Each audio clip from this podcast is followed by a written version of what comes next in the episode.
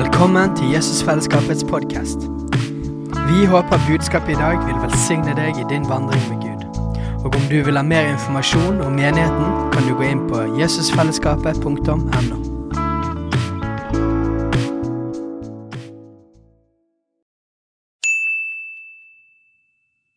Hei!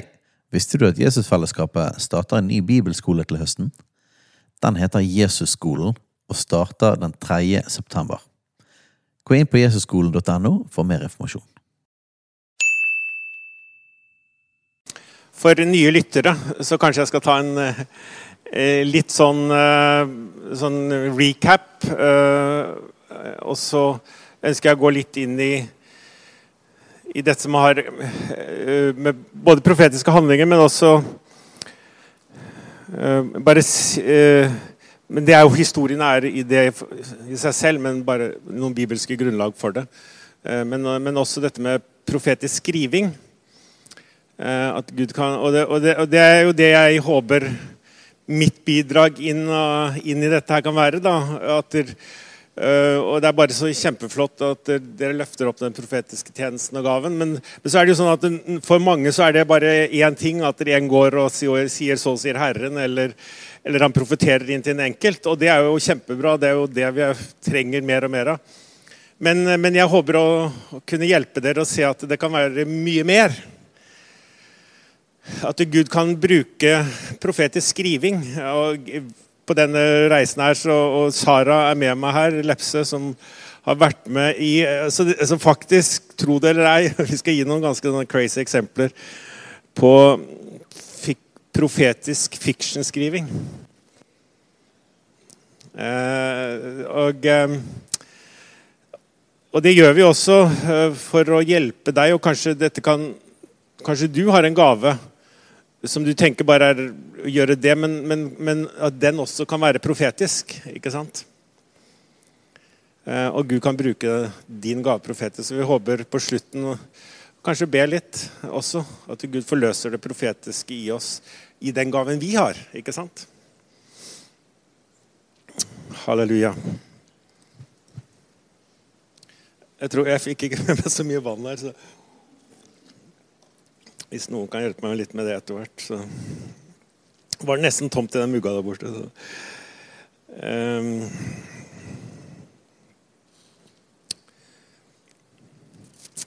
jeg tenkte jeg bare skulle kort uh, uh, bare be. Herre, vi takker deg for i dag. Vi takker deg for at du inviterer oss uh, alle inn på en reise med deg. Og, eh, og at vi kan få være med og, og vandre med deg, Herre.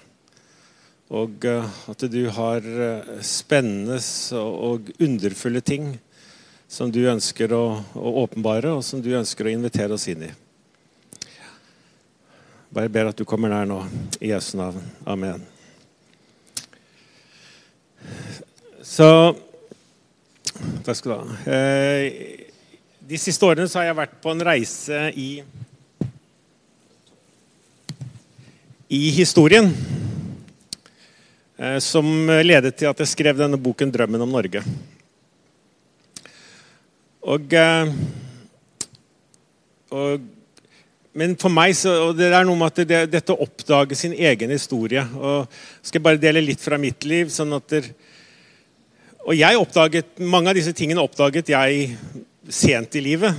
sånn at der, eh, I hvert fall rundt når jeg er rundt 50 år, så begynte ting å falle på plass for meg i forhold til noe av min bakgrunn og noe av min historie. Og, og det var spesielt um, uh, året, eller Like før jeg, Gud leda meg inn og, og, i, på reisen i historien, så, så, så oppdaget jeg noe i min egen slektshistorie som på en måte satte litt ting på plass for meg som ga meg et større perspektiv da, for min egen historie. Og eh, det var mormor. Hun var tjenestepike på en gård på Jæren i 1926. Også morfar han eh, var enkemann med syv-åtte barn og ønsket at mormor skulle bli noe mer. Men hun var ikke helt klar for det. Så julen 1926 så bestemte hun seg for å reise hjem. Offisielt for å tenke seg om, men egentlig så var det vel adjø til gården på Jæren. Og så julaften 1926 så var det to av guttene til morfar pluss en nabogutt som skulle til Jæren for å handle julegaver. Og på veien hjem gikk de over vannet på isen, og så gikk de gjennom og druknet. Og så ringer morfar til mormor og sier 'Kan du komme?' Og hva skulle hun gjøre? Hun kom, og hun ble. Og så hadde jeg hørt noe av den historien før, men så leste jeg plutselig i slektsboken min en ting jeg ikke visste. Det var at de giftet seg julaften 1927. Og da plutselig så jeg mitt eget liv i deres. For hvem gifter seg på julaften? Det er bare for å redeem, ikke sant? For i 2003 så ble jeg enkemann. Gutten min var to år julaften, David. Og dagen etter uh, endte min kone livet sitt. Vi var på Filippinene, hadde nettopp flyttet ut for å tjene som misjonærer og gikk gjennom selvfølgelig en veldig tøff og vanskelig tid. Og en ting som skjedde ut fra det, var at jeg begynte å skrive. Jeg beskrev et minneord om min tidligere kone, og det berørte mange. Og jeg kunne egentlig ikke skrive. Jeg var en av de som hadde mest rødt på stilene mine. Så, så jeg begynte å skrive. Så berørte det folk, og så Noe av det jeg skrev, fikk min kone i dag, Karen, tak i. Og så Hun bodde på Filippinene. Jeg ga ut noe materiale. Og, og så talte de til henne, og følte hun det er det samme som Gud har talt til meg. Så kontaktet hun meg. Og så var det det at hun var født desember 26. Så det var død, men det var oppstandelse. Og Derfor bestemte vi oss for å gifte oss desember 27. Og plutselig så leste jeg min egen historie i historien til mormor og morfar. At vi som familie var bærere på en historie. Ja, det hadde vært død, men det hadde også vært gjenopprettelse. Og julen hadde spilt en veldig spesiell rolle. Og så var det jo nesten som om evangeliet var skrevet inn i historien vår. For det var jo de guttenes død som ble liv til meg.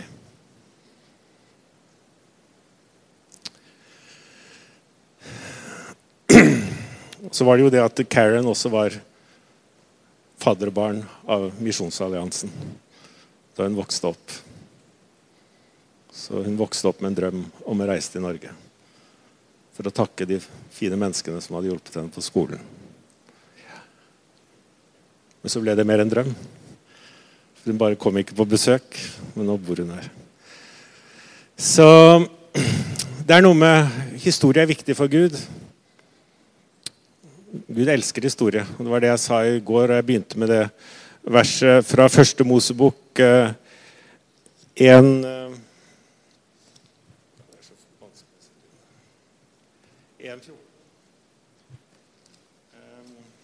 Bare ta det igjen for dere som ikke var her. Gud sa det skal bli lys på himmelhvelvingen til å skille dag fra natt. De skal være tegn for høytider, dager og år.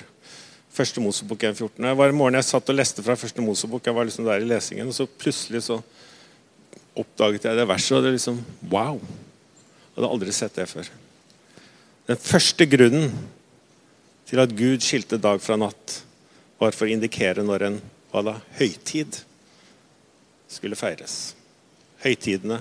Et av ordene for høytid er ordet eh, kagg, som kan bety en ringdans. Det var da israelsfolket samlet seg, og så fortalte de historien og danset. Og husket hvordan Gud hadde vært med dem.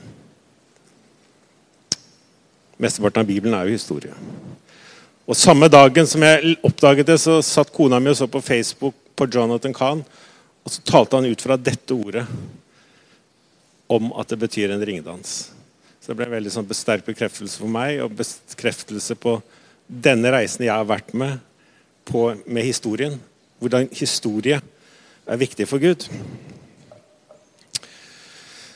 Så jeg hopper over en del av det jeg snakka om i går, for, eh, sånn at vi kan gå litt videre. Eh, men eh,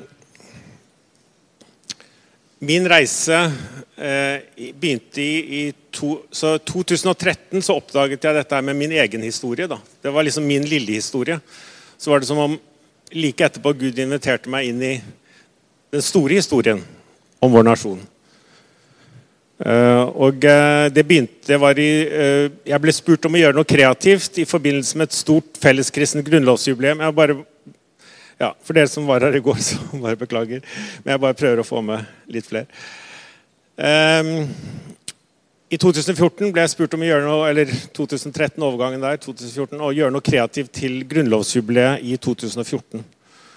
Og jeg, sammen med Elisabeth Muren som filmskaper, og Åsne Valla Nordli, som er eh, en av våre beste folkesangerinner, kone til Andreas Nordli. Eh, vi ble spurt om å gjøre dette kreative. Og ok, hva skulle vi gjøre? Så hadde Elisabeth hatt en sånn, en sånn spesiell opplevelse. Og det var at Gud hadde gitt henne en setning som hun har båret på ca. et år. En mann forandret Norge. Visste ikke hva det betydde. Var i Rom, så kom den setningen igjen. Og Så føler hun at Gud sier til henne at hun skal oppsøke en kirke uten å vite hvilken kirke eller hva hun vil finne der. Og hvor mange kirker er det ikke i Rom? ikke sant?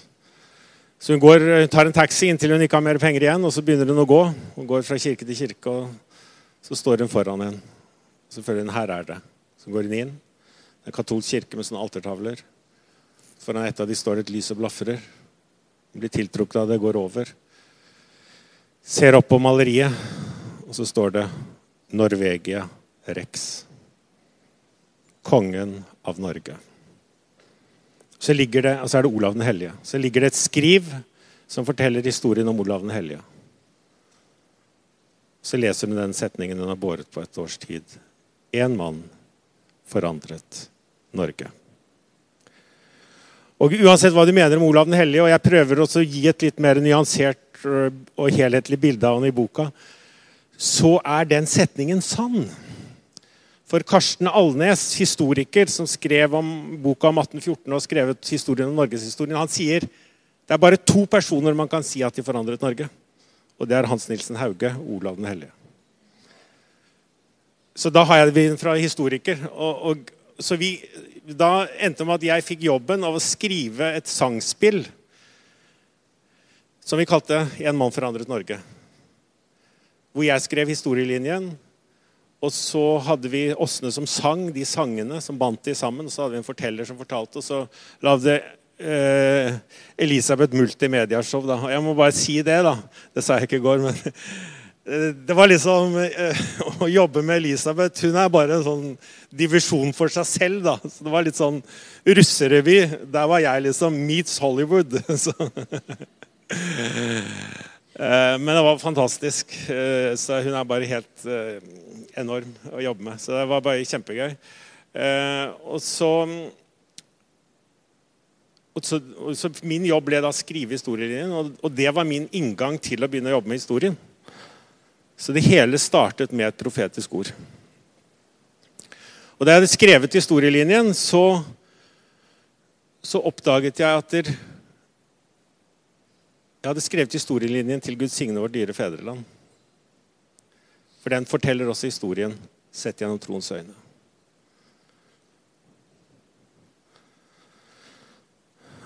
Og så ble veldig mange berørt, og jeg følte vi skal gjøre det igjen. Og uka etterpå så, så ringte det en fra Oase og hørte om vi kunne gjøre det på Oase den sommeren. Og eh, Og Jeg skal si litt mer om det som skjedde på Oase, men, eh, men før jeg gjør det, så bare ta kort. Eh, så begynte jeg på en reise inn i historien og oppdage mer og mer. Og så begynte jeg å oppdage de keltiske klostrene. Og den keltiske bønnebevegelsen. Eh, For Grunnlovens paragraf 2 sier at arven forblir vår kristne og humanistiske. Eller verdigrunnlaget forblir vår kristne humanistiske arv. Det vil si, med andre ord så står det i Grunnlovens paragraf 2 at vårt land bygger på den åndelige arven. Hvem er det du får en arv fra? Fedrene, ikke sant? Den åndelige arven vi fikk fra fedrene. Og hvor kom den arven først fra? Og så begynte jeg å gå tilbake forbi Olav den hellige. Og så oppdaget jeg de keltiske kristne og den keltiske bønne- og misjonsbevegelsen. Så oppdaget jeg også hvordan vikingene begynte å angripe disse klostrene. Og i, i 8. juni 793 angrep de Lindisfarne klosteret. Og så angrep de kloster etter kloster. Og jeg hadde jo hørt at vikingene angrep et kloster her og der, men jeg har liksom ikke berørt meg. Men nå oppdager jeg at dette var jo sterke bønne- og misjonssentre. Som de nå ødela. Vikingene, Dette var jo på slutten av den keltiske bønne- og misjonsbevegelsen var fra 500 til 800. Så vikingene Det var liksom på slutten de kom og satte et endelig punktum for den, faktisk. Så jeg følte at vi må dra dit og gjøre noe. Og, eh, og eh, eh, be om tilgivelse, men mer enn det, de representerer der vi fikk vår åndelige arv fra. Og, ta den imot på den rette måten fra de som representerer våre åndelige fedre i dag. Og så siden, Nå skal jeg fortelle i hvert fall én ting jeg ikke fortalte i går. da. Så er det litt sånn nytt eh, på den, eh, siden Sara er her også. Så Vi hadde sånn bønnefellesskap i Hamar hvor Sara og Ole var en del. Så delte jeg dette her. Jeg begynte å liksom, dette med å eh, dra tilbake og be om tilgivelse til Lindisfaren og kelterne og alt sånt. Og så sier hun til meg ja, 'Husker du den profetien du fikk?' Eh, hvilken profeti? For da hadde hun året før, litt, eller ett og et halvt år før kanskje, vært i Holland sammen med Karen, kona mi, på en sånn profetkonferanse. Og så var det en som hadde kommet opp og begynt å profetere, som heter Vitse Valkema. Eh, som hadde begynt å profetere over kona mi. Og over at hun så dette med en kobling til Wales. Og, og så sa hun Og dette var før jeg oppdaga jeg var opptatt av vekkelsen i Wales, men det var før jeg oppdaga Roy Godwin og boken hans. Eh, så det var interessant også. Eh, og så sa, hun, så, så, så sa, hun, nei, jeg tror det må være til mannen min du profeterer, for han er opptatt av vekkelsen i Wales. og sånn. Så begynte han å profetere over henne, og så var Sara der. Og så hadde hun tatt opp på en, telefonen sin. At hun sa at det skal være en kobling mellom det keltiske og nordiske. Og at jeg var kalt til å ha en rolle i det. Og hvor vikingene reiste og ødela Iona. Iona var moderklosteret til Lindisfarne-klosteret. Der skulle det bli en gjenopprettelse. Eh, men poenget var at jeg hadde aldri hørt det profetiske ordet. Men hun hadde det fortsatt på telefonen sin. Så plutselig så begynner jeg å tenke vi må dra tilbake til Lindisfaren og be om tilgivelse og gjenopprettelse. Og så, så har hun et profetord som nærmest sier det. Det er liksom ikke et vanlig ord du får. liksom. Og da skjønte jeg ok, vi må invitere Vytse. Så det var grunnen til at så, så, så Poenget mitt er hele denne reisen har bare vært pga. respons til profetiske ord. Jeg, jeg fortalte ikke i går hvorfor vi inviterte Vytse. Men det var pga. det profetordet. At vi inviterte Vytse til å komme til bønnekonferansen i 2018. Og når han kom til bønnekonferansen i 2018, like før han kom, for da hadde jeg følt vi må ha noe med det keltiske, og så hadde han hatt det ordet, så vi inviterer han. Og han er profetisk. Og så hadde han med seg et helt band da, som heter Worship Company. Og så Bare et par uker før så hadde jeg følt jeg måtte gå til IOP sin hjemmeside og så lese om Bangor-klosteret i Nord-Irland. Bangor-klosteret var kalt The Light of the World. Hadde store kor som sang 24-7. Det var plantet i Englenes dal, The Valley of the Angels, hvor St. Patrick, som er apostelen til Irland, hadde kommet, og himmelen hadde åpnet seg, og de hadde hørt den himmelske sangen. Der plantet de dette klosteret. Som da har blitt et av de store eksemplene for 24-7-bevegelsen.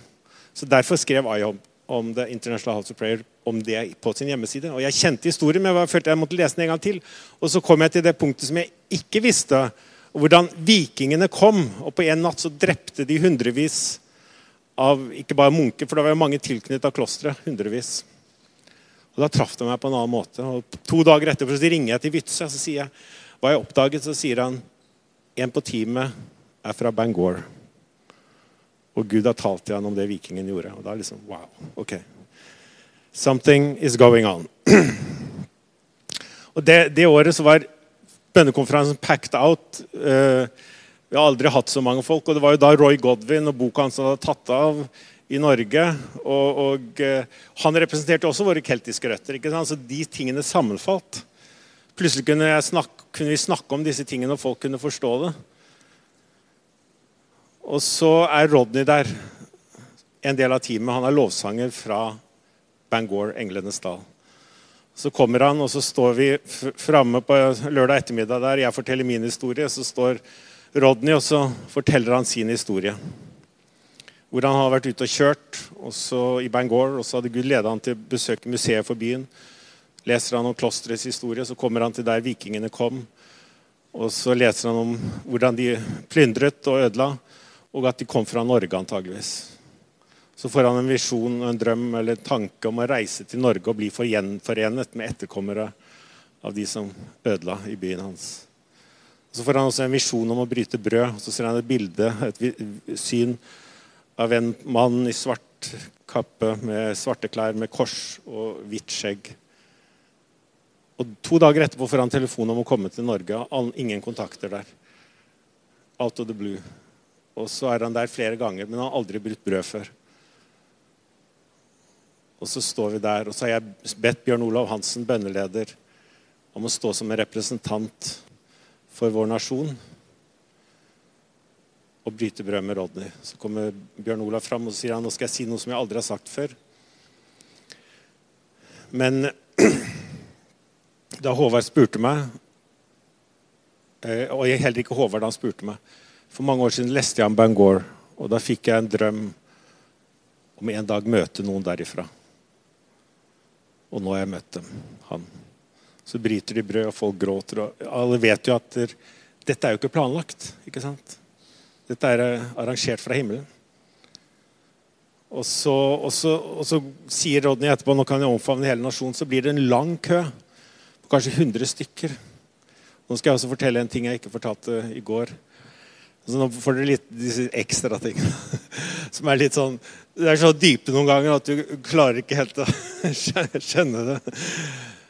Så når han har omfavna den siste Og han representerer jo på en måte våre åndelige fedre. ikke sant? Så nå var han blitt en åndelig far. Når han er ferdig med å omfavne den siste, så får han beskjed fra Irland at faren hans er dødt helt uventet. Og Det var jo tragisk, men samtidig så var det timingen. Det var for crazy. Det var akkurat som Gud sa Nå har du blitt en far. Ikke sant? Det er noen sånne crazy timinger og, og sånn på dette her som du ikke skjønner, men, men allikevel, når du kan se det litt på avstand, så kan du se at Gud tegner en historie. Og Gud så snakker om profetiske handlinger. altså Det var jo en slags profetisk altså Gud taler gjennom sånne ting.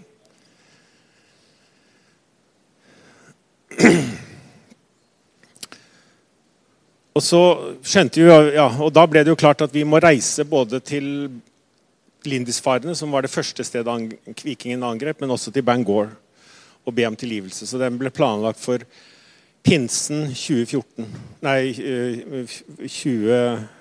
19. Det, eller ikke pinsen 2019. Det som var interessant, og det sa jeg ikke i går heller, det er at vi, bare, vi må være der på dagen for angrepet. Angrepet var 8. juni. 8. juni 2019 var pinseaften. Så vi var der på en måte i pinsen. Og pinsedag så var vi i Bangor. Pinseaften på Lindisfarene, pinsedag på Bangor. Og ba om tilgivelse. Jeg kan ikke gå inn i alt det som skjedde der. Jeg sa litt mer om det i går. Men så, før vi skulle dra dit da, uh, Vi var kanskje 60-70 stykker fra Norge og Island, Sverige, Danmark var representert. Og så møtte vi etterkommere av kelterne, både fra England, Skottland, Wales Roy Godin var der med kona, og fra Irland. Men før vi dro dit i 2019, så på bønnekonferansen igjen, så på, i forkant av den så hadde vi fått en forespørsel om vi kunne ta med oss gull fra Jerusalem. For å ta med til eh, Bangor når vi kom dit i den pinsen. Fordi de hadde funnet ut at eh, vikingene de drepte jo ikke bare, de tok jo også gull. Og noe av det gullet kunne ha kommet helt tilbake til Jerusalem. Via handelsruter kunne ha kommet til Jerusalem. Så så de var liksom opptatt av at vi måtte bringe gull fra Jerusalem da, som en profetisk handling og gi tilbake. Og jeg hadde liksom fått en forespørsel på en melding først og lagt det litt på hylla. ikke gjort noe med det. Og liksom, Hvordan får du tak i gull fra Jerusalem? Ok. Skal jeg spørre noen å ta med? Og det var liksom okay. jeg, har liksom begynt å åpne meg litt mer og mer for disse profetiske handlingene. Men noen ganger så blir det liksom Ok, er dette her ok? Skal vi gjøre noe med dette? Og så kommer Rodney da, til konferansen, og så har han med seg et brev. Hvem er det som har med seg brev i disse dager? Hvor dette forespørselen blir gjentatt. da. Så OK, hva skal vi gjøre? Men på den konferansen så hadde vi også invitert Ranja Sayeg fra bønnehuset i Nasaret om å kunne ha et profetisk budskap til nasjonen. Og lørdag kveld har hun et profetisk budskap til nasjonen ut fra en menora. En, ikke sant? Det, er sånn, den menora syvarmet lysstake. Og for å symbolisere budskapet sitt så hadde hun tatt med seg en menora, en sånn liten menora i gull og sølv fra Jerusalem.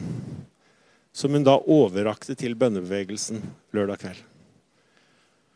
Og så søndag morgen kunne jeg da lese fra brevet fra Bangor. Hvor de spurte om gull fra Jerusalem. Og så var det liksom Ledere for bønnebevegelsen lå på plattformen. Det var helt sånn crazy. Og Rodney lå der fra Bangor. Så ble gullet gitt tilbake. Så var vi der. Og så var det det at Lindisfarene og Bangor de representerte jo de stedene hvor arven kom fra. Og de representerte de stedene hvor kanskje de første bønnene for Norge ble bedt. For før noen ba i Norge, så var det noen som ba for Norge. ikke sant? Men så var det det at Selja Den øya på Vestlandet, den representerte stedet hvor arven kom til. Og jeg følte, og der ble den heller ikke mottatt på den rette måten. Hvis dere kjenner historien om Sankt Synnøva, så er hun en irsk-prinsesse. Og hun og hennes følge kom til den øya. Og ifølge sagn og legenden så døde de i hulen der når de kom fra land for å drepe dem. Eh, om den er sann eller ikke, det er ikke det, fordi hun er i hvert fall symbolet på noen som kom dit. For det som er i hvert fall veldig sikkert, er at noen hellige kom til Selja. For det er vår eldste messedag, minnedag. Minnedagen om de hellige som kom til Selja. Den er feiret 8. juli siden Olav den helliges tid.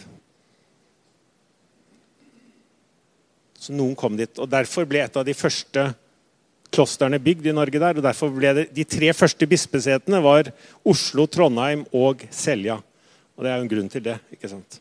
Noe hadde skjedd der. Noe hadde begynt der. Jeg følte vi må tilbake dit. Og så må vi være der og ønske kelterne velkommen tilbake. På den rette måten. Vi må ta dem imot på den rette måten. Så må vi sammen med de be igjen for landet vårt.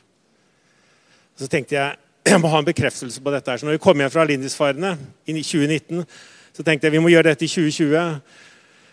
Så tenkte jeg jeg må ha en bekreftelse. Jeg gikk inn på Bjørn Olav sin hjemmeside for å finne alt han hadde skrevet om Synnøve Selja. Og så fant jeg at han i 2015 hadde en drøm.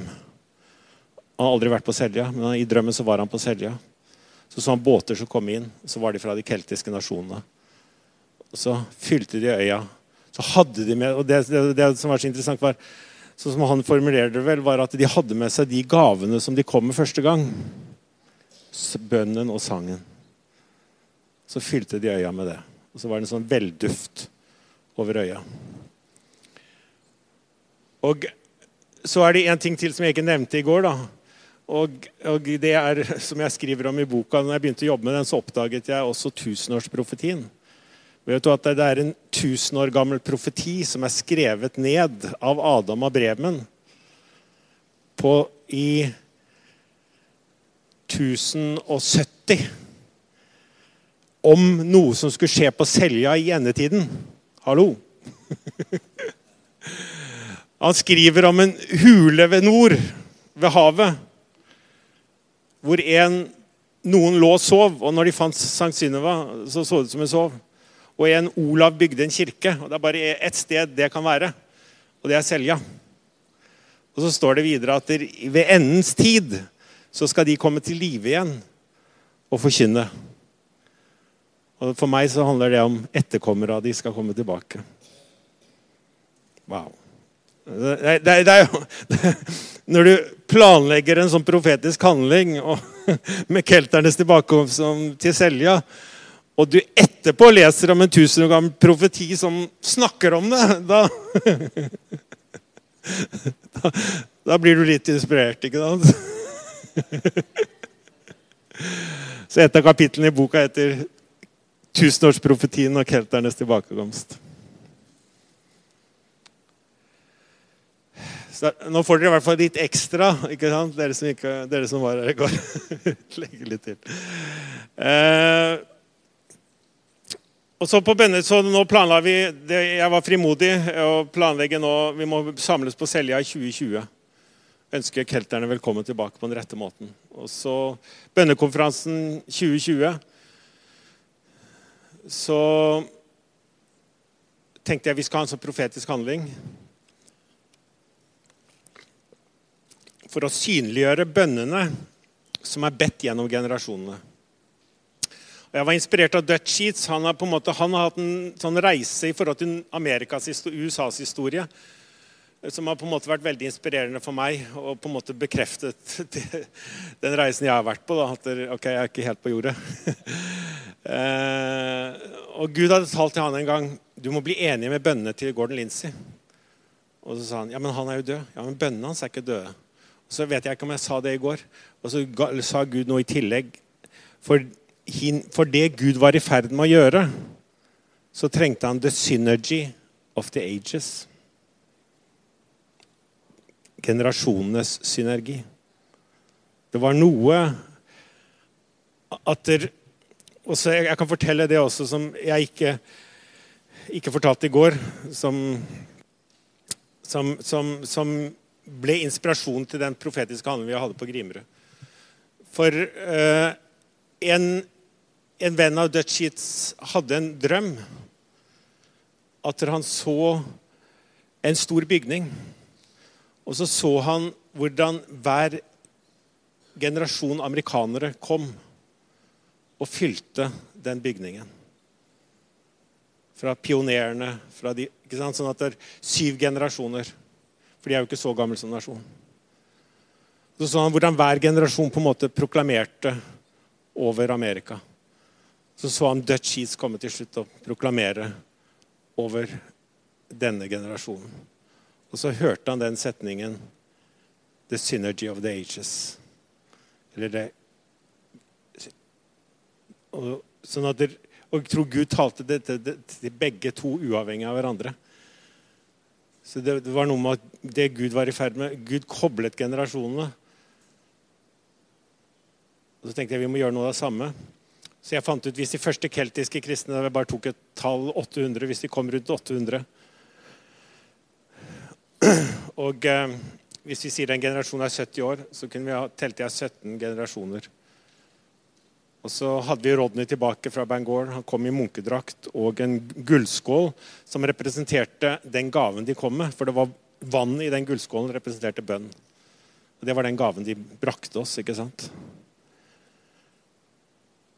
Og så ble han fulgt av 17 personer. Alle bar på et glass vann. Og Det var en veldig sterk opplevelse. Når de sto foran oss, så var det som vi så Norge. Vi så Norge, én nasjon, én historie.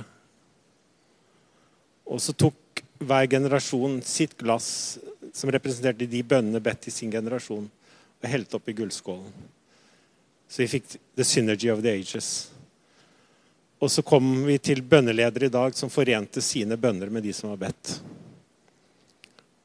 For at fylden av det skulle skje i våre dager.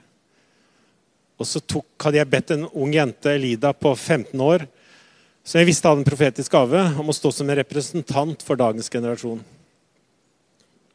Så helte de gullskålen over henne som en profetisk handling, at fylden skulle komme i denne generasjonen. Men det jeg ikke visste da jeg spurte Elida, var at hun to år tidligere hadde hatt et syn som hun ikke hadde skjønt. Hun har vært på en bibelgruppe sammen med besteforeldrene sine. David Dimian, internasjonal bønneleder, var til stede. Hun hadde delte der, men de skjønte ikke hva det betydde. Hadde, ingen av de kjente historien. For hun hadde sett båter komme til Norge. Fra gammelt tid. Så hadde hun sett Synet begynte faktisk i hulen. En hule. Hun hadde sett hvordan det var huletegninger på veggene av et folk som var kledd i blått, som kom til Norge. Hvordan de levde i og rundt hulen. Så hørte hun det også. Hun sa det var sånn vakker sang. Du må høre det for å forstå det. Så opplevde hun hvordan de levde der. Og så opplevde hun at hun var i båten på siste del av synet, at hun var i båten på vei inn så så hun skrevet på himmelen 'Norge skal bli mitt igjen'. Så hørte hun en røst som sa 'Norge skal bli mitt'. Så opplevde hun at disse åndelige la et sånn fundament, eller åndelig grunnlaget, i vår nasjon. At vår nasjon ble født i bønn og lovsang, åndelig sett. For du skjønner, når vi synger 'Gud signe vårt dyre fedreland', du sendte ditt ord til Noregs fjell. Det begynner med at vårt heimland i mørkere lenge lå. ikke sant? Og vankunn av troen gjøymde, men Gud, du i nåde til oss såg. Din kjærleik oss ikke gløymde.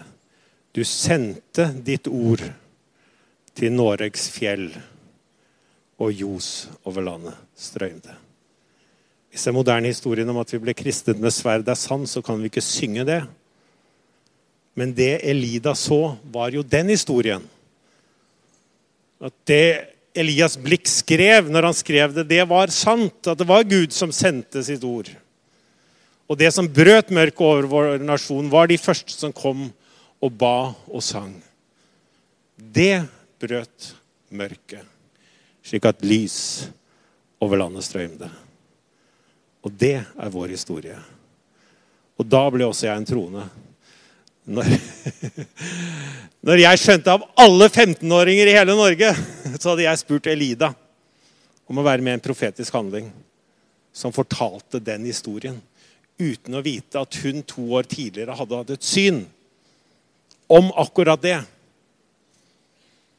Uten at hun skjønte det, og derfor bar hun det på det i to år inntil hun møtte noen som kunne skjønne det. Og da begynte jeg å skrive denne boka her. Da skjønte jeg this has to be God. Og Det står i Malaki 3 om at Gud har en minnebok. Han har skrevet en minnebok om de som æret og elsket hans navn. Og For meg så var det akkurat som, hva, hva gjør du med minnebok? Du viser den jo fram. For meg så var det akkurat som Gud hadde åpnet noe av sin minnebok til Elida. Om våre åndelige fedre, de første som kom og ba og lovsang. De som brøt mørket over vår nasjon. Wow. Det er, altså det er ganske spesielt, for å si det sånn. Hun ble faktisk tatt tilbake og så vår åndelige fødsel. Så Gud gjør jo ikke sånn bare for moro skyld, ikke sant? Og så var det dette her med ja. Og så var det dette med denne boka og drømmen om Norge. da. Og så hadde vi denne samlingen på Selja i sommer. Vi kunne jo ikke ha den i 2020, så ble det utsatt til 2021. Men da det, kunne vi heller ikke ha det. Så hadde vi den i 2022. Så inviterte vi de keltiske kristne tilbake. representanter fra Irland, Shetland og Skottland. For at vi kunne ønske de velkommen på den rette måten. Så var vi kanskje en 100 stykker der på Selja i sommer. Så kom de inn, og så var de kledd i blått. For i synet til Elida så, så hun jo at de var kledd i blått. Og da jeg sjekket det, så er det jo det at Irlands nasjonalfarge er jo grønn.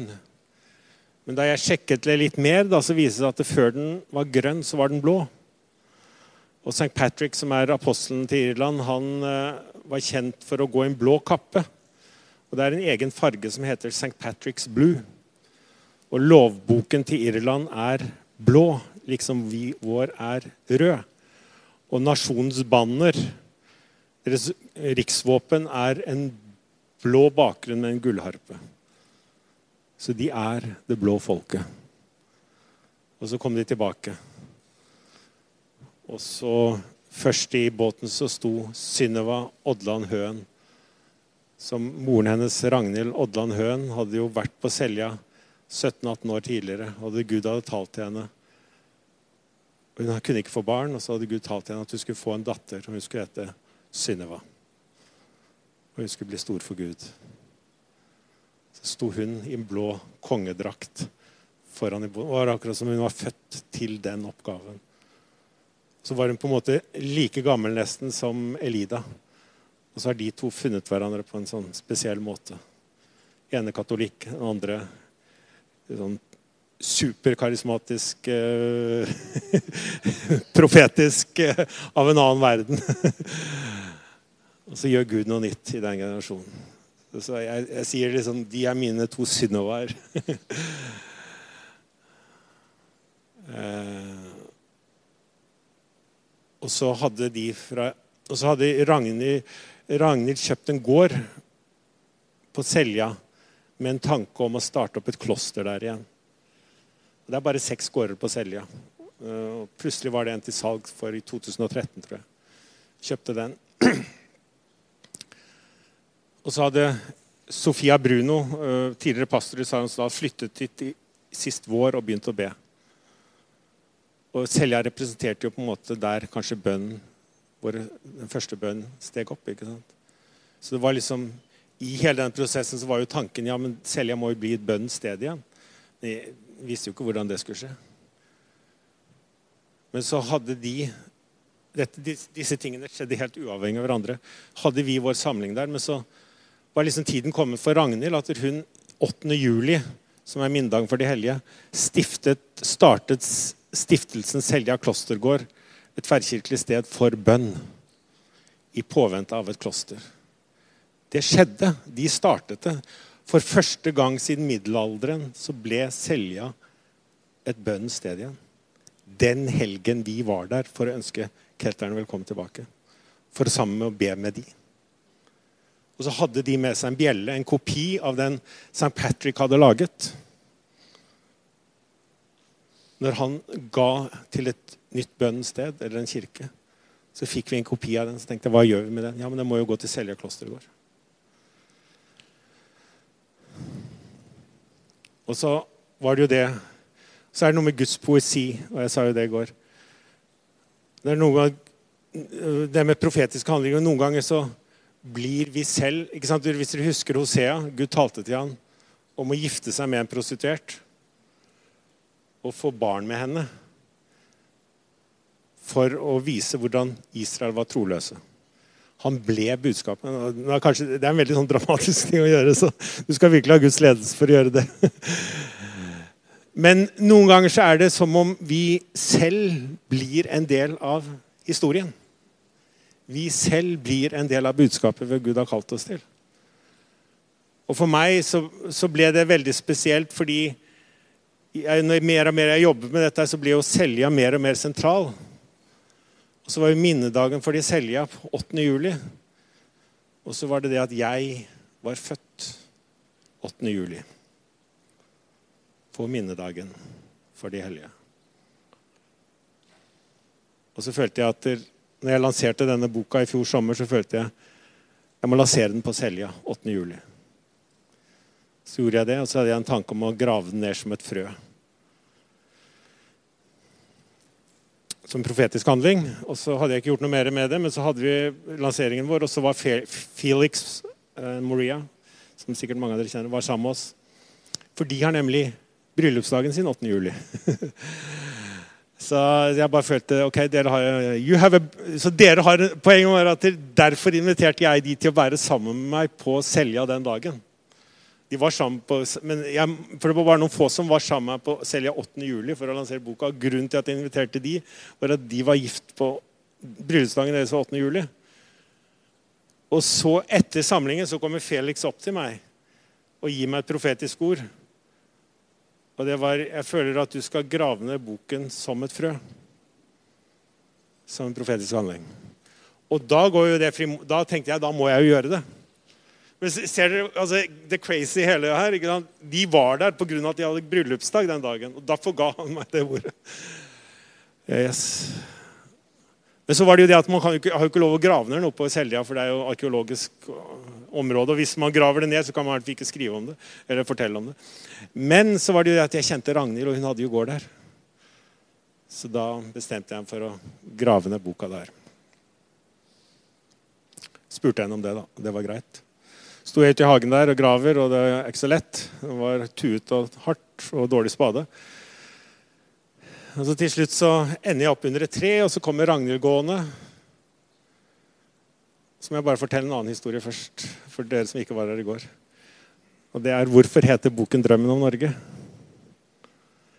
Fordi vår historie begynner med en profetisk drøm. Fordi Dronning Ragnhild var jo mor til Harald Hårfagre. Harald Hårfagre er første kongen i vår kongerekke. Og hun var en flott kvinne som hadde store drømmer, står det i Snorre. Og En av de er skrevet ned, og det er at hun sto ute i hagen med en tegn som ble til et stort tre som var rød i roten, grønn i stammen, og grenene var hvite og strakte seg utover hele Norge. Så tenkte jeg, hva om det er en profetisk drøm? Og Da hun drømte den, så var det på begynnelsen av vikingtiden. Det står at den var rød som blod da vi dro ut og drepte. Men så skulle vi bli grønne. Det betyr fruktbare. Hvorfor det? Fordi vi ble hvite. Og da tenkte jeg, Det må være profetisk om De kalte Jesus for Kvitekrist. Kvitekrist komme. ikke sant? Og Pga. det så ble vi frodige. Så hadde jeg vært frimodig og tolket den drømmen og skrevet i boka. Men jeg hadde liksom ikke en skikkelig bekreftelse fra Gud om at jeg hadde bare tatt det out of the blue, eller om det virkelig var sant. Og Så står jeg der og skal grave ned denne boka, og så befinner jeg meg plutselig under et tre. Og så skjønner jeg at jeg står under Ragnhild sitt tre. For det er jo Ragnhild som eier gården. Og så var det tre med hvite blomster. Og så graver jeg ned boken hvis forside har drømmen om Norge, dronning Ragnhild sin drøm. Tre med de hvite blomstene. Og det er nesten umulig å få til. Det var i hvert fall ikke planlagt fra min side. Men det står noe om at Gud ser begynnelsen fra enden. Han står på begynnelsen og ser enden. Eller han proklamerer begynnelsen. Det står at Gud proklamerer enden fra begynnelsen. Han så jo når det treet ble planta. Og så proklamerte han kanskje at en dag skulle en stå der. Og Det var jo uh, Ragnhild som sto og planta et trø i jorden, ikke sant? Som ble drømmen om Norge. Så står jeg den helgen på Selja, hvor bønn starter igjen for første gang siden middelalderen. Så planter jeg et ny frø i jorden under Ragnhild sitt tre.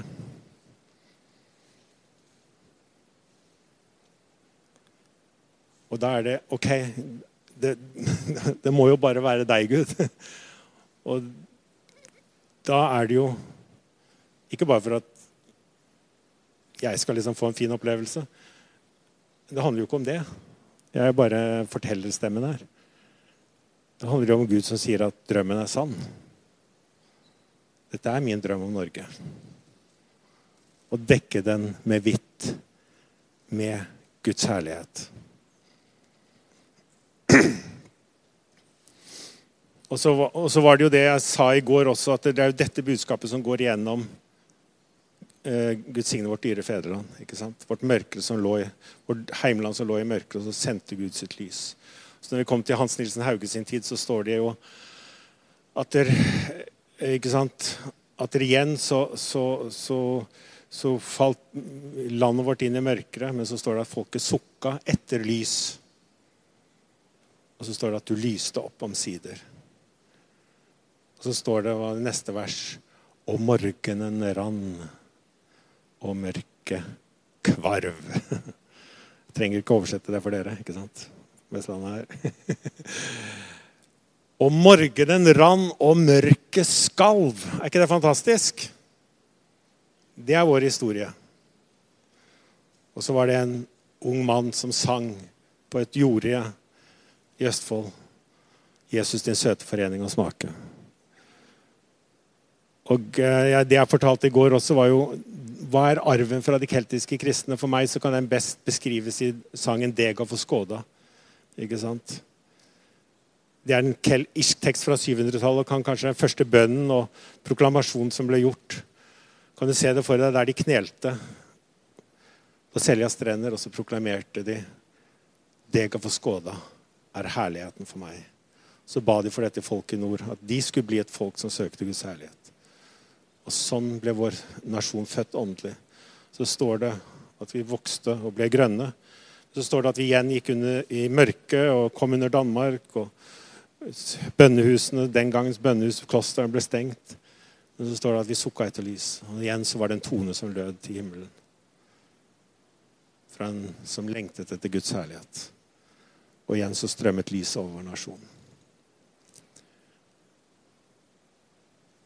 Så hva sier innledningen til Gulatingsloven som Olav for Hva er det når det står det at Olav den hellige og den setningen Elisabeth bar på, at én mann forandret Norge, hva var det viktigste han gjorde? Kanskje var det viktigste han gjorde inn, innstiftelsen av kristenretten. De, som vi skal feire neste år på Moster. At vi fikk gode lover. At mennesket fikk verdi. Men så var det en innledning. Det var bønnen. Og den sier det første i vår lov er at vi skal vende oss mot øst og be til den hellige Krist. Om godt år. At vi skal holde landet vårt bygd, kongen vår ved helse. Han være vår venn, vi hans, og Gud være venn til oss alle. ikke det fantastisk? Innledningen. Og det, første som står, er at vi skal bøye oss. Vi skal ydmyke oss. Gud står den stolte imot, den ydmyke gir han stor nåde. Men så sto det også at de skulle gjøre det mot øst. Hvorfor mot øst? For det var en tradisjon fra de første kristne som bøyde seg mot øst i forventning av Jesu andre komme. Ut fra Jesus sine ord i Matteus 24 om at like som lynet går ut fra øst og går like til vest, slik skal det være ved mitt komme. Så de bøyde seg mot øst i forventning av Jesu andre komme, men også i en videre forstand hver gang Jesus kommer, så er det jo lysets komme. ikke sant? Så det er på en måte vevd inn.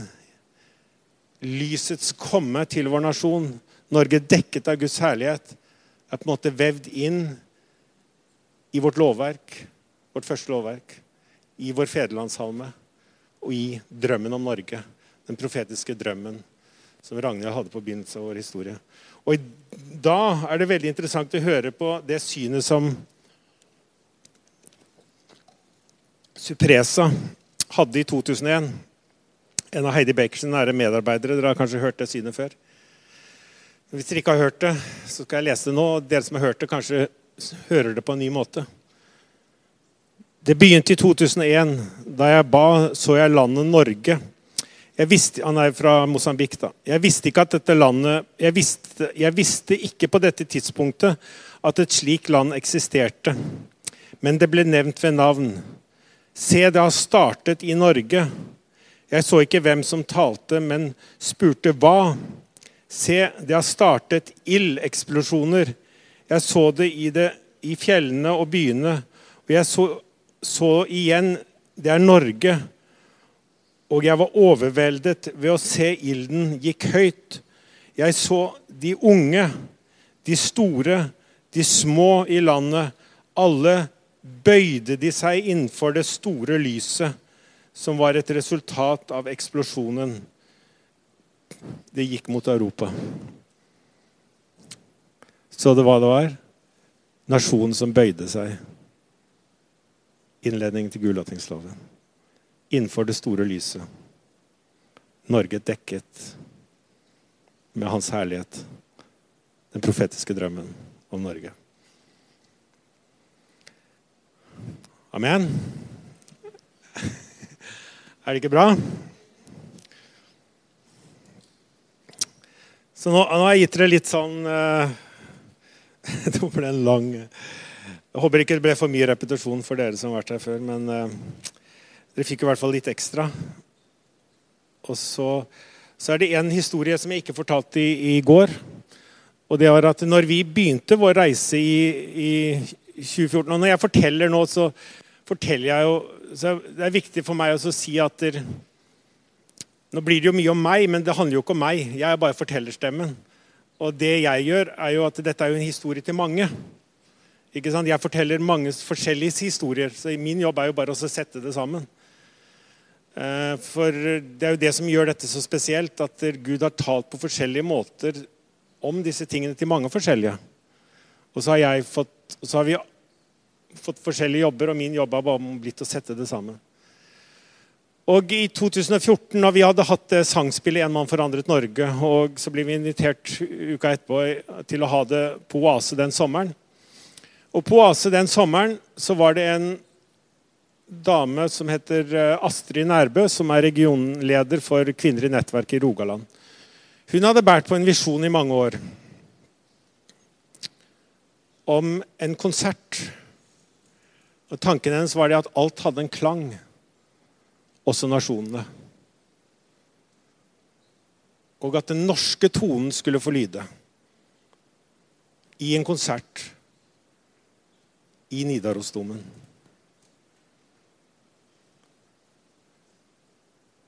Men Hun hadde fått den visjonen, men hun hadde ingen mulighet til å gjøre den. Hun hadde ingen kontakter. Så ser du spillet vårt. Og så har jo vi musikere på toppnivå Arild Stav som musikalsk leder, som er Norges beste musikere. Har jobbet med de fleste i det profane. Vært med på 300 plateinnspillinger med mer. Fått kulturpris av uh, kulturministeren og sånn. Så, så sånn, de kan gjøre det. Så delte hun visjonen med oss. Og så begynner vi på en reise i 2014. Så unnfanges den visjonen 'Himmelske toner gjennom tusen år' å ha en konsert i Nidarosdomen hvor vi takker for 1000 år. Og vi gjør det gjennom den tonen som har lydd til himmelen gjennom 1000 år. Sangene gjennom generasjonene. Så begynner vi på en reise. Så drar jeg og Arild opp, og vi drar til Nidarosdomen. Og så er det jo det at Nidarosdomen det, står jo der, og jeg kan ikke ta den historien, men det er jo bare én grunn til at det bygget står der. Du vet det? Det er bare én grunn, og det kan ingen motsi meg på. Og det er pga. de miraklene som begynte å skje der. Noen kan si at de miraklene var kirkens oppspinn og sånn. Men om det var oppspinn eller mirakler Det var mirakler den ble bygd på grunn av. Og det ble faktisk det endelige gjennombruddet for kristendommen i Norge. Så det var ikke sverd, men det var mirakler eller historien om mirakler. For det er jo Olav den helliges gravkirke. da. Så begynte vi å jobbe med dette her i 2014. og Vi hadde prosjektbeskrivelse. Åsne som en av landets beste folkesangerinner, hun skulle være med å synge. Og så hadde vi fått noen som ga noen penger som en startkapital.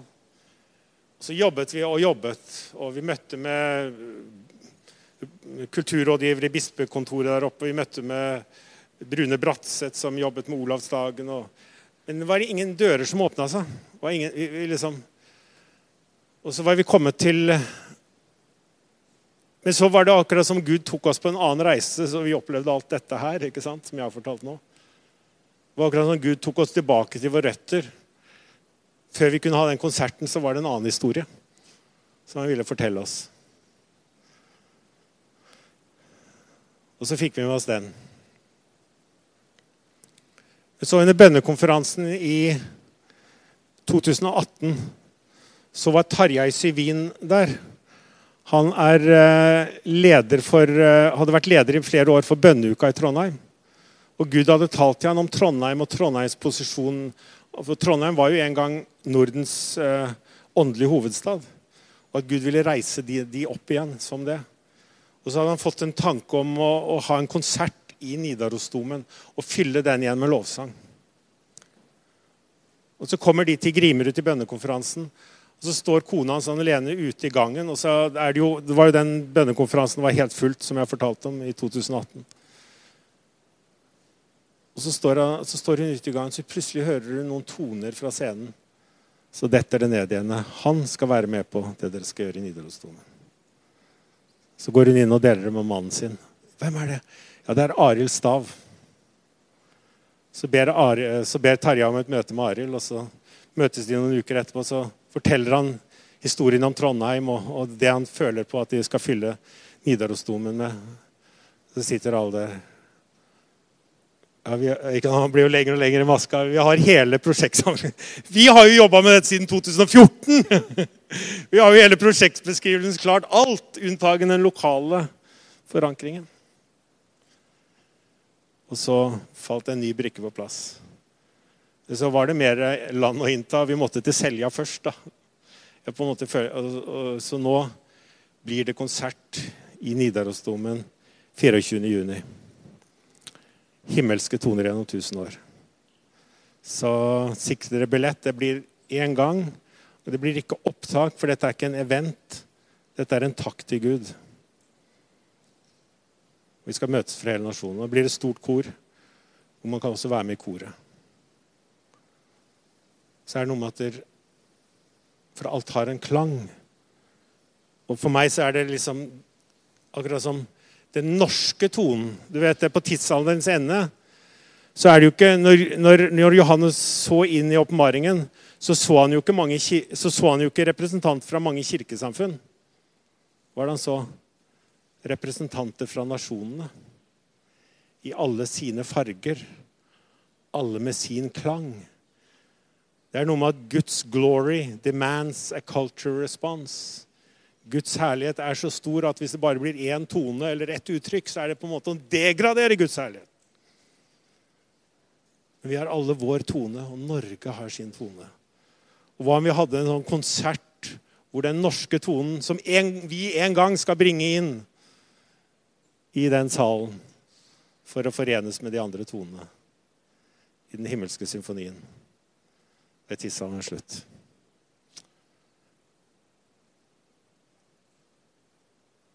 Så det skjer i Nidarosdomen 24. juni.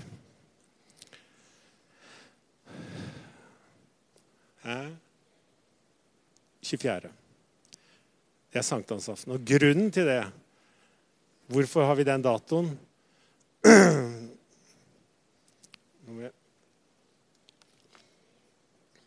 Det er sankthansaften. Det er en grunn til at vi har sankthansaften. Det er jo døpende Johannesdag. Men det er jo ikke bare det. Det er den norske kroningsdatoen. For du vet ja, at i Grunnloven av 1814 så er det bare ett stedsnavn som er nevnt. Ett stedsnavn. Vet du hva det er? Trondheim domkirke.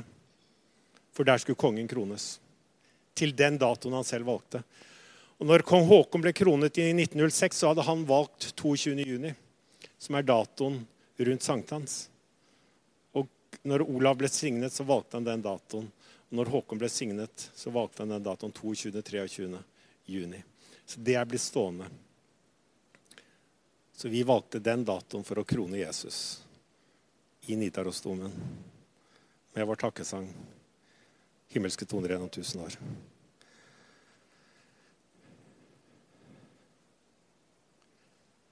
Og alt dette her begynte med et profetisk ord. Som vi har respondert på på forskjellige måter. Og så, når jeg begynte å skrive boka, da eh, Nå blir det ikke så eh, Så, så var det det at det, det var jo mye stoff, ikke sant? Og vi skulle gå igjen hele historien. Og hvordan, eh, også, hvordan holde folk gjennom hele historien. Og så når jeg jobbet med det, så, så på et eller annet tidspunkt så følte jeg at jeg skulle ta med Askeladden. Eh, så nå går vi over i neste del her som jeg ikke snakket om i går. Og for det jeg følte, var at vi skulle være på en reise gjennom historien. Og nå husker ikke jeg alle detaljene. Nå skal Sara få dele litt snart også. Jeg husker ikke når hva som kom hva, men jeg vil dele. Nå skal jeg avsløre noe av det jeg sier nå, sier jeg som regel ikke. For da jeg give away little of the plot. Men, men nå gjør jeg det pga. dette er et seminar. og for at dere skal skjønne liksom dybden av det jeg prøver å si. Uh, så, så det, det, det og, så, og, så, var det jo å synliggjøre uh, arven vår, ikke sant? Og så tok jeg utgangspunkt i da Josfa krysset uh, Jordanelven. hvordan Gud talte til ham, at de skulle samle tolv steiner ikke sant? og bygge et alter. Sånn at når deres barn spurte hva betyr disse steinene? Kunne de fortelle historien. ikke sant? Så Derfor ble det at jeg endte om at jeg og Askeladden skulle reise gjennom historien. Så det ble en egen fiksjonsdel da, i tillegg til hoveddelen. For å binde historien sammen med fiksjon, hvor vi samler minnesteiner for å bygge et minnesteinalter på slutten av boka. Så når våre barn spør hva betyr de steinene? Så kan vi fortelle historien. Og så kan jeg si en ting til. I april så skal vi ha en turné hvor vi reiser som vi kaller Guds signe vårt dyrere fedreland, Norges profetiske historie. Hvor vi skal reise. Alf Magnus blir med og forteller historien om Hauge. Jeg forteller historien om Norge. Arild blir med og har noen av sangene. Vi kommer hit til Bergen 22. april. Skal være i Kredo-kirken hvor vi skal fortelle noe av det som jeg har fortalt, men også med noe av tonene som skal lyde i Nidaros, på vei til Nidaros. Og på, gjennom reisen så skal vi ta med oss steiner fra disse stedene som har betydd noe, sånn som Selja, Hauge, hvor eh, Helligånd møtte Hauge, Moster. Sånn at vi samler steinene som har betydd noe, nasjonens minnesteiner. Og under konserten så skal vi bygge et minnestein takkealter som en takk til Gud, og som et minne neste, til neste generasjon. Så, så, så, så, satt jeg på slutten av bo, så satt jeg og jobba med siste kapittel, og den har jo gått gjennom mange runder. Og så var det på et eller annet tidspunkt eh, mot slutten av boka så tenkte jeg, kom dette uttrykket 'vandringen mot Soria Moria'. Så tenkte jeg kanskje jeg kan ta inn det og så, så gikk jeg og leste om Soria Moria.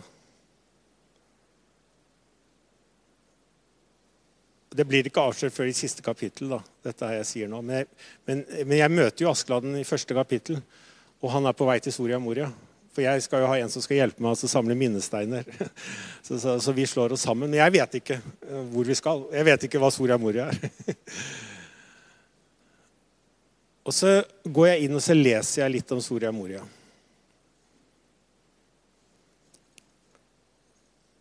Og så står det og Dette har jeg først Wikipedia, men så seinere fikk jeg Norsk språkråd som kilde. da. Og så står det at Moria-navnet kan komme fra Moriafjellet, hvor Salomo bygde tempelet for Gud. Og Da falt brikkene på plass for meg. Og hvor, hva er Moriafjellet? Det er jo der det nye Jerusalem kommer ned. Og hva er Soria Moria? Det er jo et gullfjell, et gullslott som lyser i det fjerne. Så vi er på vandring gjennom historien, på vei mot Soria Moria. Og hva var det Askeladden skulle oppleve i Soria Moria? Husker du det? Det var sitt eget bryllup. Han var på vei til bryllupet i Soria Moria. i det nye Jerusalem.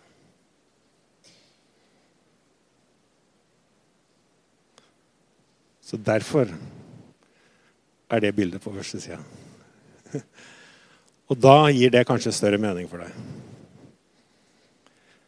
Og i denne prosessen skal jeg slippe til Sara, så er det klart jeg er mer en sånn faktaskriver, men jeg er ikke noe god fictionskriver. Så mine utkast på fiksjon var ikke særlig høyt nivå. Så Sara, kan ikke du komme og fortelle litt? Ja. Det har vært fantastisk. Vi, ja, min vi har kjent Håvard og Karen. Nå ti år siden møttes vi i, på bibelskolen da jeg var 20 år. Og allerede da så, det er det de delte. Og det var sånn Ja, dette, dette, dette bærer vi også. Og vi møttes igjen når vi flyttet til Hamar i 2015. Og, og da hadde vi det her ordet Ja, de bor fortsatt der. Vi har akkurat flyttet hit til Bergen. Eh, så i syv år har vi bodd sammen i Hamar.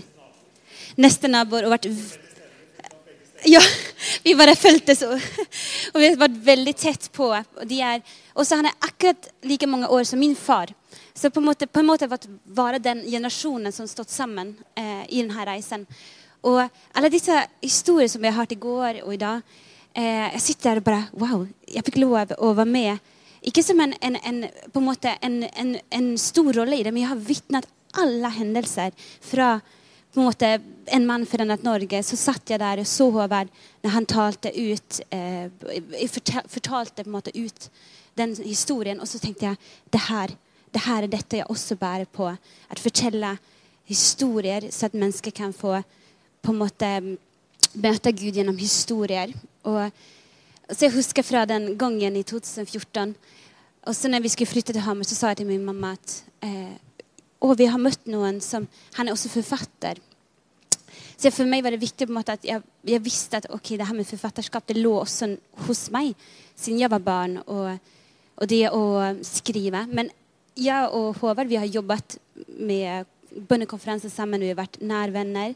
Og i fem år har vi aldri snakket om skriving. Så plutselig i 2020, så parallelt så hadde Håvard begynt med 'Drømmen om Norge' og den, den eh, skriveprosessen der. Parallelt så hadde Gud begynt å tale til meg om skriving, at jeg skulle ta opp det igjen.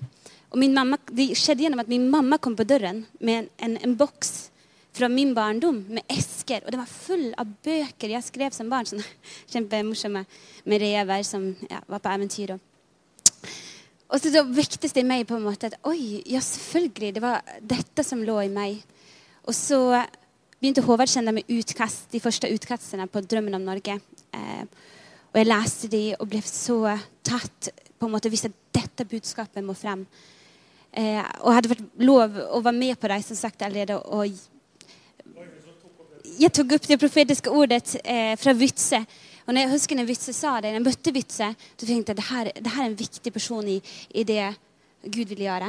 Og, og når han ga det ordet til Håvard, så visste jeg at det her er veldig viktig. det her må Håvard ferdig. Jeg sendte tre e-mail til han med det ordet. Sånn, om og om igjen. Og sa Håvard, du må, du må høre det her ordet. Til slutt hørte han det ordet. Eh, og så, så, Jeg har fått lov å være på, en måte, på eller på, på, en måte på side og, og sett og vært på alle disse reisene på Lindesfarene. Og, og, så skjedde det at jeg var i praksis på, eller skulle i praksis på skolen min i teologi. Og jeg hadde tatt en praksisplass. Men læreren min, som hadde lest en, eh, en skriveoppgave jeg hadde sendt, eh, der jeg hadde også skrevet litt dikter, hadde skrevet om min drøm om å skrive han, han, så det som lå i meg, og så sa han Sara, du skal ikke gjøre denne praksisen og servere kaffe på en event eller whatever. Han sa du skal skrive, Sara. Han sa kjenner du ikke noen som, som, eh, som går i det? Så jeg jo, jo, jeg har jo min venn Håvard Sand. Så spurte jeg Håvard kan jeg komme i praksis hos deg. Og så begynte reisen med at jeg jobber ganske tett på mange timer på uka med og gi input til boka. Og vi, jeg kom med ideer og, og, sånne ting, og han så litt på tekster jeg skrev. Og så, et halvt år seinere, så, så fortsatte han å sende litt sånn utkast, og jeg kom med input. Men jeg, Ikke sant? Men jeg bærte jo fortsatt det her med boka, men jeg var ikke i praksis lenger. Og så, så, så var det de her fiksjonsdelene. Så jeg var litt sånn her, Det klødde litt i fingrene, for det var ikke, det var ikke fullkomment. Og, og så Og jeg sa det, det var potensial der, da. Og det var Det var en god idé, og jeg elsker ideen. Det var det jeg sa. Så, jeg elsker ideen. Dette er så bra. Eh, men det fins potensial. Og og så tenkte jeg så tenkte jeg, ah, men Da måtte jeg nesten bare skrevet om alt hop. Om, jeg skulle. Men det, så jeg bare tenkte at det er ikke min bok. Jeg kan ikke legge meg i for mye. Så jeg bare ga noen sånne ideer, input. Men det ble ikke bra nok. Og så, så var det bare et halvt år senere, i november, og så plutselig bare helt random en dag så bare følte Helligånden komme over meg. Og så sa Gud veldig til meg Søre, du skal tilbe Håvard å hjelpe ham med Askeladden og de på en måte skjønner litt av de stykkene. Og så tenkte jeg sånn Jeg kan ikke bare ringe og si det. liksom bare, Hei! Nå skal jeg begynne å skrive i boka di. Men, men, så jeg tenkte jeg sier ikke noe, da. Og så Fire dager etterpå, tror jeg var da, da var jeg på et punkt hvor jeg følte OK, nå er boka ferdig. Og jeg hadde fått broren min, som er veldig dyktig, til å lese gjennom. Han hadde gitt go-signal, selv om han også hadde sagt at det jeg må jobbe med, og det vi prøvde å jobbe med sammen, det var å løfte fiksjonsdelen opp på samme nivå som det andre. Eh, Vi hadde gjort noe, men vi hadde ikke egentlig kommet dit. Men jeg hadde ikke noe mer vei å gå, så OK, eh, nå er vi så å si ferdig. Eh, nå er det til trykking. Og da så, så sendte han meg et stykke igjen og spurte om jeg hadde noen input for forbedring på det stykket. Og så, så spurte jeg sånn, litt sånn fremodig pga. det jeg opplevde at Gud hadde talt til meg. Så jeg kunne bare skrevet om det fritt, sånn som jeg hadde skrevet det. Og så kan du se hva du syns om det. Og så gjorde jeg det. Og så Ja. Da skjønte jo jeg da liksom Wow. Og, og, men jeg måtte jo ha litt andre input òg, for det var jo da ble det jo utsettelse på hele prosjektet. Men, eh, og det var jo ganske dramatisk ting å ta. Men, men, etter noen prosesser så bare følte vi dette er veien å gå. Så jeg sa til Sara du skriver om alle Askeladden-delene. Enten skriver du om det vi har gjort, eller så gjør du noe helt nytt. Så hun fikk frie eh, tøyler. Men så gjorde vi det sånn at vi møttes Vi hadde en periode, og hun tok seg fri fra studiet, eller hun ordna sånn at hun fikk ekstra barnepass én dag. Sånn at det så så mye som mulig så møttes vi hver mandag i biblioteket på Hamar. Så satt vi sammen og så jobbet vi oss gjennom hele boka på nytt. Og så var vi på en reise som vi egentlig ikke visste hvor ville bringe oss. Og det er, det er, noe av det mest utrolige jeg har vært med på. For vi var på reise gjennom historien med Askeladden og oppdaget historien vår. Og jeg tenkte, jeg sa til Sara vel en gang nå, Vi er privilegerte sånn, altså, som får lov til å gjøre dette her. Det er liksom ikke alle som kan Du kan bare gjøre det én gang. Det er bare én norgeshistorie. Jeg husker Vi satt der på en måte sammen, og det var så fantastisk Vi snakker om the synergy of the ages. Nå er det sånn en generasjon da. Men, men, det var så fantastisk å kjenne det, nettopp at vi kunne gå sammen i det. Iblant så satt jeg stakk, jeg hadde ingen ideer. Så hadde Håvard fått den ideen. Det her skal skje. Nå skjer det her og her historien. Og, eller, eller tvert om, at jeg kom med ting, og, og han fylte opp i det jeg hadde for ideer. Og så det ble en utrolig vakker reise der vi fikk sammen på en måte gjøre om den reisen. og det var, det var, sånn mot slutten av boken så jeg bare Å, jeg har ikke lyst til det her skal ta slutt. Jeg har lyst til å bare fortsette å reise med Eskeland. Jeg koser meg. Jeg har bare lyst til å være på alle de her plassene og møte de her menneskene. Så det er sånn skikkelig sorg å avslutte boka. Men jo, så, midt i det, det vi skal snakke litt om sånn profetisk handling, profetisk skriving så det var, Even om dette var jo på en måte, dette er jo skjønnlitterært. Dette er jo det er basert på fakta, men det var jo på en måte, som sagt, han ga meg frie tøyler, og jeg brukte det fritt og fant på alt mulig rart. Og, eh, men i det så opplevde jeg også Hellig Ånd på en måte gav sånne hint på en måte om ting som skulle med i skjønnlitterære, som vi sen opplevde var profetisk. Eh, jeg kan gi noen eksempler. Eh, det første var at, at eh, når jeg begynte å lese første kapittel, jeg leste alltid gjennom et kapittel og så satt jeg og tenkte hva skal vi lage skjønnlitterært av det her. Og da var det med, med trædet. Det var som når jeg leste om det, jeg tenkte at det her er så viktig. Det her må vi lage på en måte en opplevelse av. For at folk skal på en måte sitte igjen med det. Og da fikk jeg som en visjon, det var som at jeg bare så en visjon av det jeg skulle skrive. Og for meg ble det veldig sterkt. Eh, på en måte, så jeg sa ja, vi våkner. Vi skal våkne i dronning Ragnhild sin drøm. Og oppleve det treet. Vi skal, vi skal ta på det, det blodet der. Og få, få på en måte se hvordan de hvite blomstene sen vasker hendene rein. Og, og, så skrev jeg om det, og, og det ble virkelig sånn at gjennom det skjønnlitterære så fikk man både fakta, men man fikk også oppleve hva kan det bety. på en måte. Så det For meg, når jeg leste det, det var bare så sterkt.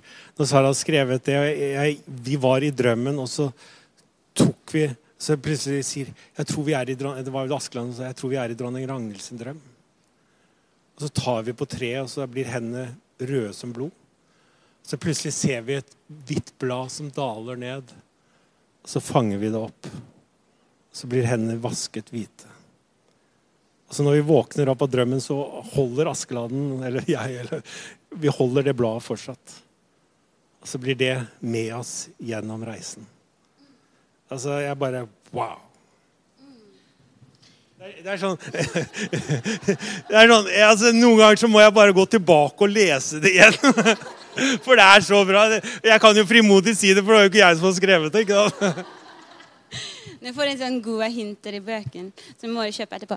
Men det, eh, altså det var så fantastisk å på en måte få, få, gjøre den reisen. Det var også annen, et annet tilfelle.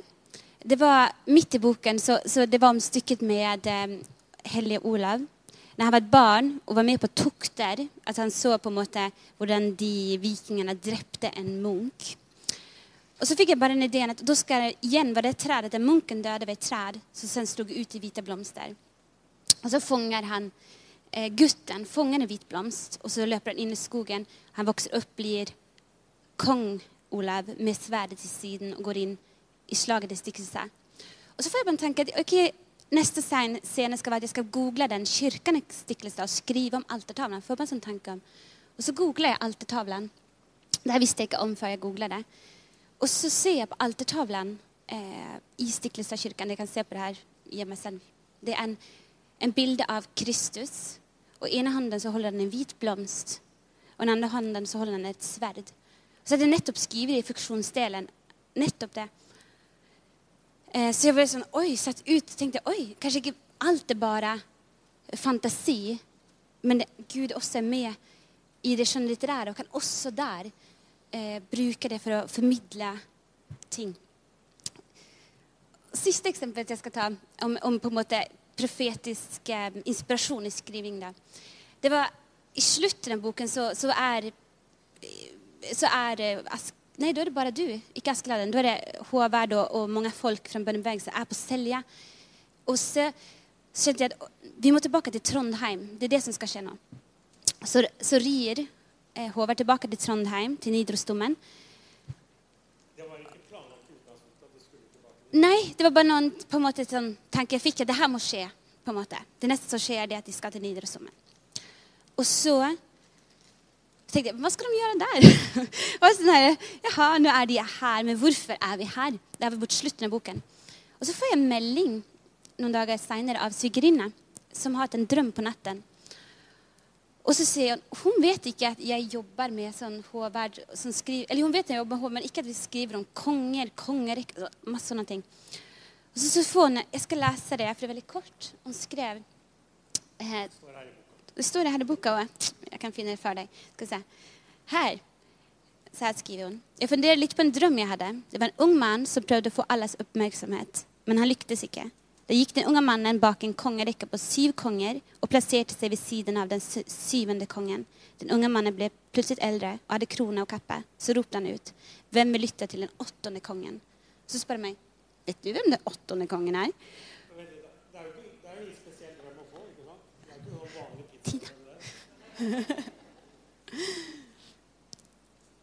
så, og så spør han meg, og så sier jeg sånn ha det er veldig morsomt, for vi jobber jo med kongerekkene. Men jeg visste ikke hvem den åtte kongen var. Du visste ikke det da? Så vi bare så, så vi måtte gå Jeg gikk inn på sånn konges kongehuset sin hjemmeside og så på kongerekken for å få det riktig. liksom. Og så telte jeg ned til åttende kongen, og det var kong Olav den hellige. var den åttende kongen. Og det var hans kirke, hans gravkirke som er Nidarosdomen. Så jeg får sånn her bakoversveis og så tenkte jeg, oi, ok. Det var helt riktig at vi skulle til Nidarosdomen. Og, og da skjønte vi at ok, det handler om å lytte til den åttende kongen. Hva var det han sa? Da var det liksom, for vi hadde liksom, Hva skal sitte igjen? Hva er det endelige budskapet? Og da var det som det falt på plass. Det er jo det han sa på Moster. Ikke sant? Det første i vår lov er at vi skal bøye oss. Vi skal ydmyke oss. Og så på en måte kneler vi der i Nidarosdomen og bekjenner dette ut. Kanskje det, for vi liksom summerer opp hva er det viktigste vi har fått med oss. Kanskje det er det. Hvem vil lytte til den 18. kongen? Hei, alle sammen. Det er Katrine og Steinar Lofnes her. Vi er hovedledere for Jesusfellesskapet. Så kjekt du har lyttet til denne podkasten. Har du forresten hørt noen av de andre podkastene våre? Ukens tale, Disippelskolen, Hyrdepodden, Kulturkrigen og Mammas hjerte. Du finner disse podkastene på Spotify, Apple Podkaster og på nettsiden vår jesusfellesskapet.no.